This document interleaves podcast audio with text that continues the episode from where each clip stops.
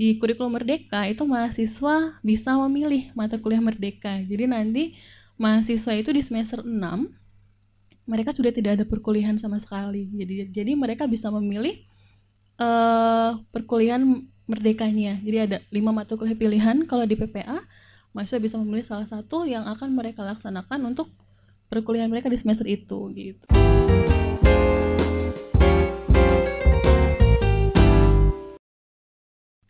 Assalamualaikum warahmatullahi wabarakatuh. Selamat pagi Sobat Polinela. Gimana nih kabarnya? Semoga di mana pun kalian berada selalu sehat dan tetap semangat ya. Kembali lagi di Polinela Podcast bersama saya Rika Mary Azleni.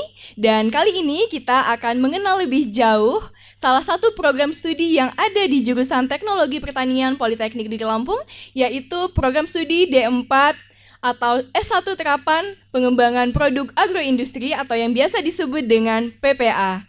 Kali ini saya tidak di, sendiri di sini karena di sebelah saya sudah ada ibu yang sangat cantik yaitu salah satu dosen di Prodi PPA Ibu Kurnia Rimadanti Ningtyas STP MSC. Halo Bu, bagaimana Halo. kabarnya? Alhamdulillah sehat. Tika gimana kabarnya? Alhamdulillah, Alhamdulillah saya juga sehat Ibu. Okay, ya. Baik, mungkin Sobat Polinela di mana pun berada sudah sangat penasaran nih Bu. Yeah. Apa sih itu Prodi PPA? Okay. Mungkin bisa dijelaskan Bu. Oke, okay, Prodi PPA itu merupakan salah satu program studi D4 ya, atau yang biasa disebut S1 Terapan yang ada di jurusan Teknologi Pertanian dan prodi PPA ini merupakan uh, prodi paling mudah bisa dikatakan seperti itu di jurusan teknologi pertanian karena memang prodi PPA ini lahir paling terakhir. Jadi anak bungsu ya bisa dibilang gitu di uh, jurusan teknologi pertanian. Selain ada tiga program studi lain uh, yang level D4 di jurusan teknologi gitu. Baik. Nah, untuk sejarah berdiri nih Bu, uh, tadi saya dengar Ibu menjelaskan bahwasanya program studi D4 PPA ini merupakan anak bungsu nih iya, di jurusan bener. Teknologi Pertanian. Nah, untuk sejarah berdiri uh, mungkin dari SK-nya ini kapan Bu untuk prodi uh, PPA ini? Oke, okay, prodi PPA ini berdirinya tahun 2018 ya. SK-nya itu kami pegang di prodi itu tanggal 28 Desember 2018. Mm -hmm. Nah, uh, surat keputusan itu uh, dari Kementerian dulu Kementerian Riset ya, Kementerian Riset dan Teknologi.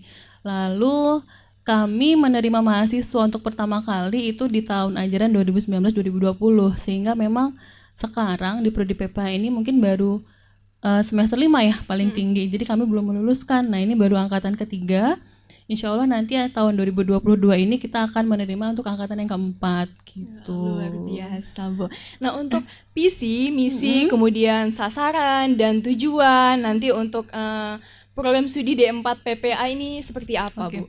Kalau visinya ya Prodi PPA ini uh, menginginkan nanti program studi yang bermutu, mm-hmm. unggul dan inovatif dalam bidang pengembangan produk agroindustri. Bisa di bisa dilihat dari nama program studinya ya, pengembangan produk agroindustri. Jadi nanti diharapkan mahasiswa-mahasiswa atau alumni yang lulus dari Prodi PPA bisa mengembangkan produk agroindustri khususnya ada di Lampung. Lampung kan banyak ya agroindustrinya ada karet, ada hmm. sawit gitu ya. Lalu ada kopi, ada kakao. Nah, nanti diharapkan bisa mengembangkan itu. Jadi di sini yang kita tekankan hanya tidak hanya di produksi saja, tapi nanti di teknologinya. Bagaimana nanti uh, alih teknologi, nanti ke depannya pastikan teknologi semakin lama semakin meningkat ya. Itu nanti uh, kita ke sana. Lalu juga dari manajemennya, mm-hmm. mulai dari uh, produk itu diproduksi, setelah itu nanti bagaimana sih pemasarannya, bagaimana penjualannya, lalu nanti produknya harus dikemas nih. Nanti kalau sudah dikemas kan ada desain kemasannya itu juga nanti kita pelajari seperti itu. Jadi nanti memang bisa uh, mempersiapkan lulusan itu tidak hanya uh, tidak hanya uh, baik di produksinya saja tetapi bisa sampai ke hilirnya gitu sampai penjualan nanti bisa sampai uh, bagaimana cara melihat apakah nanti produk yang akan mereka jual itu layak atau tidak itu bisa dilihat seperti itu. Baik gitu. Bu nah tadi untuk uh, produk gitu kemudian ada pengamasan nah cukup menarik nih bu. Seperti di prodi-prodi lain itu ada uh, itu ada yang mulai dari penanaman hmm. hingga pengemasan. Nah kalau untuk di prodi PPA ini bagaimana bu? Apakah mulai dari penanaman atau dia langsung dari produk kemudian uh, diproses hingga menghasilkan uh, suatu hasil kemasan seperti ini Bu. Kalau di prodi PPA kita tidak mulai dari menanam ya gitu ya karena memang kan kita kan uh, namanya pengembangan produk agroindustri nih. Jadi kita itu mengambil dari pasca panennya gitu. Kalau misalkan penanamannya ada di prodi misalkan prodi hortikultura, hortikultura gitu kan ya terus ada di uh, perkebunan. Kalau kami tidak tidak mulai dari nanam. Jadi hasil dari uh, pasca panen setelah dipanen nih, misalkan kelapa sawit setelah dipanen, hmm. itu kan setelah dipanen kan biasanya uh, diberikan ke pabrik gitu ya. Nah, kalau di prodi PPA mempelajarinya adalah setelah panen tersebut. Nanti proses pengolahan CPO-nya seperti apa, proses pengolahan minyak sawitnya bagaimana, terus limbahnya seperti itu gitu. Terus nanti ada karet juga misalkan karet kalau karet itu nanti uh, biasanya kan karet itu hanya di uh, apa ya digumpalkan yeah. setelah digumpalkan terus langsung diberikan kepada pabrik gitu ya. Hmm, nah, kita mempelajari itu nanti setelah uh, karet itu di pabrik di, dijadikan misalkan dijadikan uh, RSS gitu ya.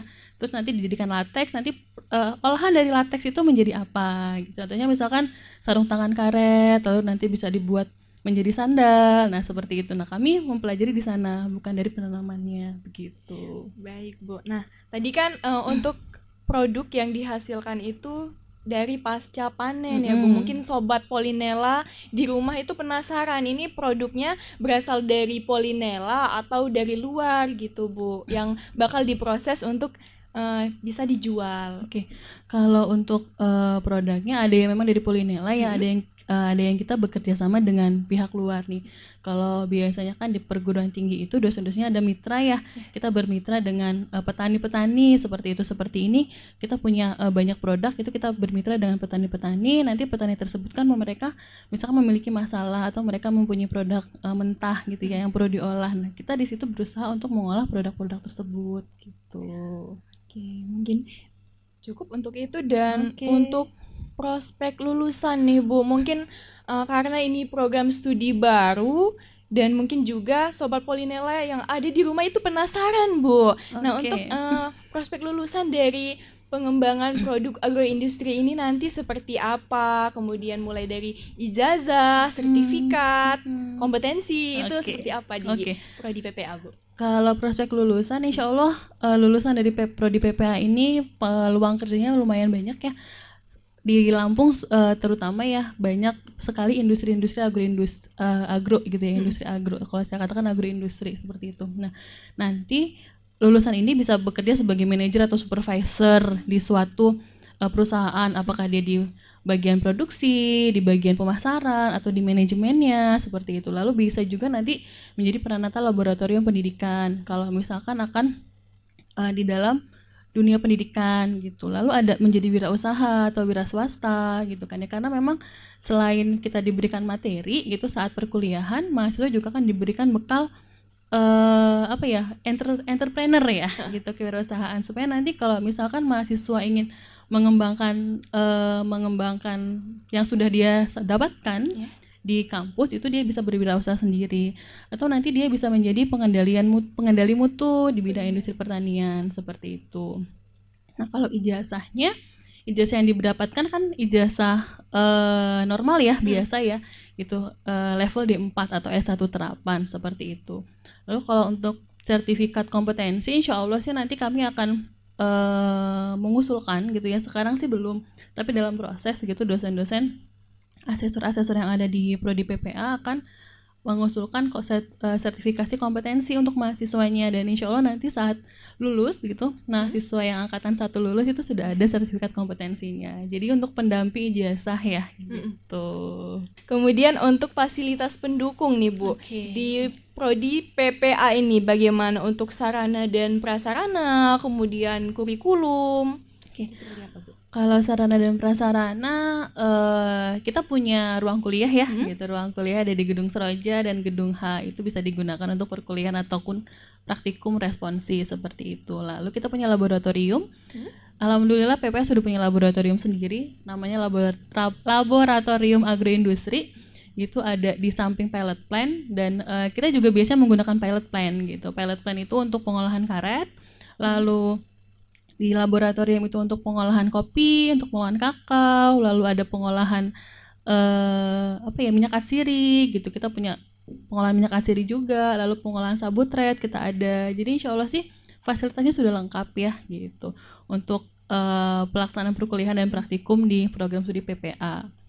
Nah kalau kurikulum, kurikulum kita itu kita punya dua kurikulum nih sebenarnya gitu kan tadi saya katakan bahwa uh, saya ada saya sudah tiga angkatan gitu di PPA sudah ada tiga angkatan. Angkatan pertama itu tahun 2019 lalu tahun 2020 angkatan kedua dan tahun 2021 angkatan ketiga. nah kita punya tiga kurikulum nih gitu kan ya. Jadi itu itu sebenarnya bikin dosennya juga bingung gitu. Mm. aduh kurikulum yang pertama itu kok uh, sama dengan kurikulum yang kedua. Yeah. kenapa kok punya dua kurikulum gitu. Kurikulum yang pertama itu memang kita kurikulum 2019 yang dibentuk saat awal uh, prodi ini terbentuk gitu ya lalu kurikulum yang kedua adalah kurikulum merdeka dan alhamdulillah kurikulum merdeka itu sudah berjalan sampai hari ini gitu nah di kurikulum merdeka itu uh, ada beberapa mata kuliah yang berbeda dengan mahasiswa uh, semester 5 gitu ya. Jadi uh, untuk yang semester 5 itu kita menggunakan kurikulum 2019. Untuk semester 3 dan semester 1 kita menggunakan kurikulum merdeka gitu. Perbedaannya adalah di kurikulum merdeka itu mahasiswa bisa memilih mata kuliah merdeka. Jadi nanti mahasiswa itu di semester 6 mereka sudah tidak ada perkuliahan sama sekali. Jadi jadi mereka bisa memilih uh, perkuliahan merdekanya. Jadi ada lima mata kuliah pilihan kalau di PPA mahasiswa bisa memilih salah satu yang akan mereka laksanakan untuk perkuliahan mereka di semester itu gitu. Jadi ada saya lupa apa aja ya, ada kewirausahaan, ada proyek independen, lalu penelitian jadi mereka bisa memilih. Nah nanti saat dalam satu semester mereka melaksanakan itu gitu. Kalau kakaknya nggak ada gitu. nggak bisa milih kakaknya. Makanya kakaknya ini yang disiapkan ini yang harus mereka lakukan selama satu semester seperti itu. Wah jadi luar biasa ya sobat Polinella. Uh, dari kurikulum-kurikulum yang dijelaskan oleh ibu tadi sangat menarik apalagi yang terakhir nih Bu yang kurikulum merdeka. Ada tadi di semester 6 tidak melakukan perkuliahan. Hmm, nah, iya. cocok banget nih buat sobat Polinella yang akan mendaftarkan diri di Politeknik di Lampung ini tidak tidak ragu ya untuk memilih program studi D4 PPA. Okay. Nah, kemudian untuk dosen nih Bu, iya. bagaimana untuk uh, dosen tenaga, tenaga pengajar okay. begitu di prodi PPA ini? Okay. Kalau dosen yang uh, saat ini ya hmm. dosen tetap yang ada di Prodi PPA ada enam orang gitu ya. Salah satunya adalah saya dan kebetulan Pak Direktur kita Bapak Dr. Insinyur Sarana itu home base-nya di Prodi ya, di Prodi PPA gitu. Jadi Pak Sarana ada di Prodi kita. Jadi uh, ada enam orang kita untuk sementara ini. Lalu untuk penerimaan CPNS tahun 2022 ini gitu ya, itu ada penambahan lagi empat orang dosen. Jadi insya Allah untuk tahun ajaran baru nanti itu sudah ada 10 orang dosen yang bergabung di prodi PPA dan alhamdulillah background uh, pendidikannya atau uh, kompetensinya itu semua ada di uh, sesuai dengan prodi PPA seperti itu. Nah, Bu, saya dari tadi sudah tidak sabar nih Bu, hmm. karena di depan kita ini udah ada berjejer-berjejer ini ada bungkus-bungkus. Mungkin ada saya lihat Banyak ya? kopi ya? kopi celup robusta kemudian hmm. ini ada citronella ini perbedaannya apa bu boleh dijelaskan mungkin ini apa sih bu gitu mungkin sobat Polinella yang menonton di rumah juga penasaran begitu apa sih yang ada di depan situ mungkin bu oke ya ini yang ada di depan ini itu ya sengaja saya keluarkan ini ini merupakan salah satu produk hasil dari mahasiswa gitu wow. kita ada yang namanya proyek mandiri huh? ya proyek mandiri itu kan nanti mahasiswa itu membuat suatu produk lalu nanti mereka analisa mereka jual gitu ya. Hmm. Ini adalah produk-produk mereka gitu. Alhamdulillah sih uh, saya nggak tahu kenapa ya tahun ini mereka itu semuanya ke kopi. Ini kan kopi semua ya gitu. saya nggak ngerti kenapa mereka ke kopi semua gitu. Ini produk-produk mahasiswa. Hmm. Ini ada kopi celup. Lalu ini ada deep kopi. Ini bukan kopi, ini kopi biasa ya, kopi hmm? uh, tubruk ya bisa yeah. dikatakan seperti itu ini ada masker ini masker atau scrub ya? Saya lupa. Ini masker kopi. Lalu yang itu ada kopi jahe. Yang di ujung itu kopi jahe. Lalu ini ada sampo hewan. Sampo hewan dari kopi gitu. Luar biasa bu. Saya juga penasaran nih bu. Mungkin kita akan bahas lebih lanjut okay. nih bu. Sampo hewan dari, dari kopi, kopi itu untuk iya. hewan apa saja, kemudian pembuatannya bagaimana, Bu. Okay. Kemudian ada masker kopi nih iya. mungkin boleh banyak Bu, ya dijelasin, Bu. Okay. Sampo hewan ini dari kopi ini untuk bisa untuk anjing dan untuk kucing dan hmm. sudah dibuktikan ya gitu loh. Dosen-dosen dan beberapa mahasiswa sudah membuktikan ini aman untuk dipakai hewan-hewan peliharaan gitu ya. Ini pembuatannya mahasiswa membuat dengan campuran bahan uh, campuran bahan kimia dan sebagaimana ya pokoknya ya proporsinya dengan sesuai gitu sehingga nanti bisa aman untuk si hewannya gitu. Lalu ini ada kopi, ini ada drip kopi. Ini drip kopi. Ini kopi drip. Jadi nanti kalau Dikta nih perempuan-perempuan yang suka minum kopi tetapi nggak suka kopi dengan ampas, ini kan kopi tubruk kan ada ampasnya ya. Yeah. Ini nggak suka pakai ampas ya, bisa pakai ini kopi celup juga jadi nanti ampasnya itu tertinggal gitu di atas di atas gelasnya gitu lalu nanti uh, ekstraknya ada di bawah nah ampasnya ini bisa untuk masker. Gitu ya, bisa jadi, untuk kecantikan gitu. Kemudian ini bu yang botol ini bu aja oh iya. oh iya saya lupa ini bedanya apa bu? Soalnya saya baca di sini ada citronella sama produk iya. Uh, ini ini minyak katsiri saya lupa maaf. Jadi tidak hanya kopi kita juga ada minyak katsiri hmm. nah minyak katsiri ini ada dari cengkeh dan ada dari uh, sereh sereh wangi gitu. Jadi minyak kaca ini biasanya untuk bis untuk campuran minyak kayu putih bisa atau untuk minyak gosok bisa seperti itu. Ini ini ini juga ini hasil prodi juga. Ini clove oil ini minyak cengkeh. Kalau citronella itu itu minyak uh, dari serai wangi. Serai wangi gitu. Ini produk-produk dari mahasiswa semua. Nah, gitu. untuk produk-produk uh, kan ini udah ada nilai jual ya, Bu, kalau seperti ini. Nah, ini akan dibagaimanakan gitu, Bu?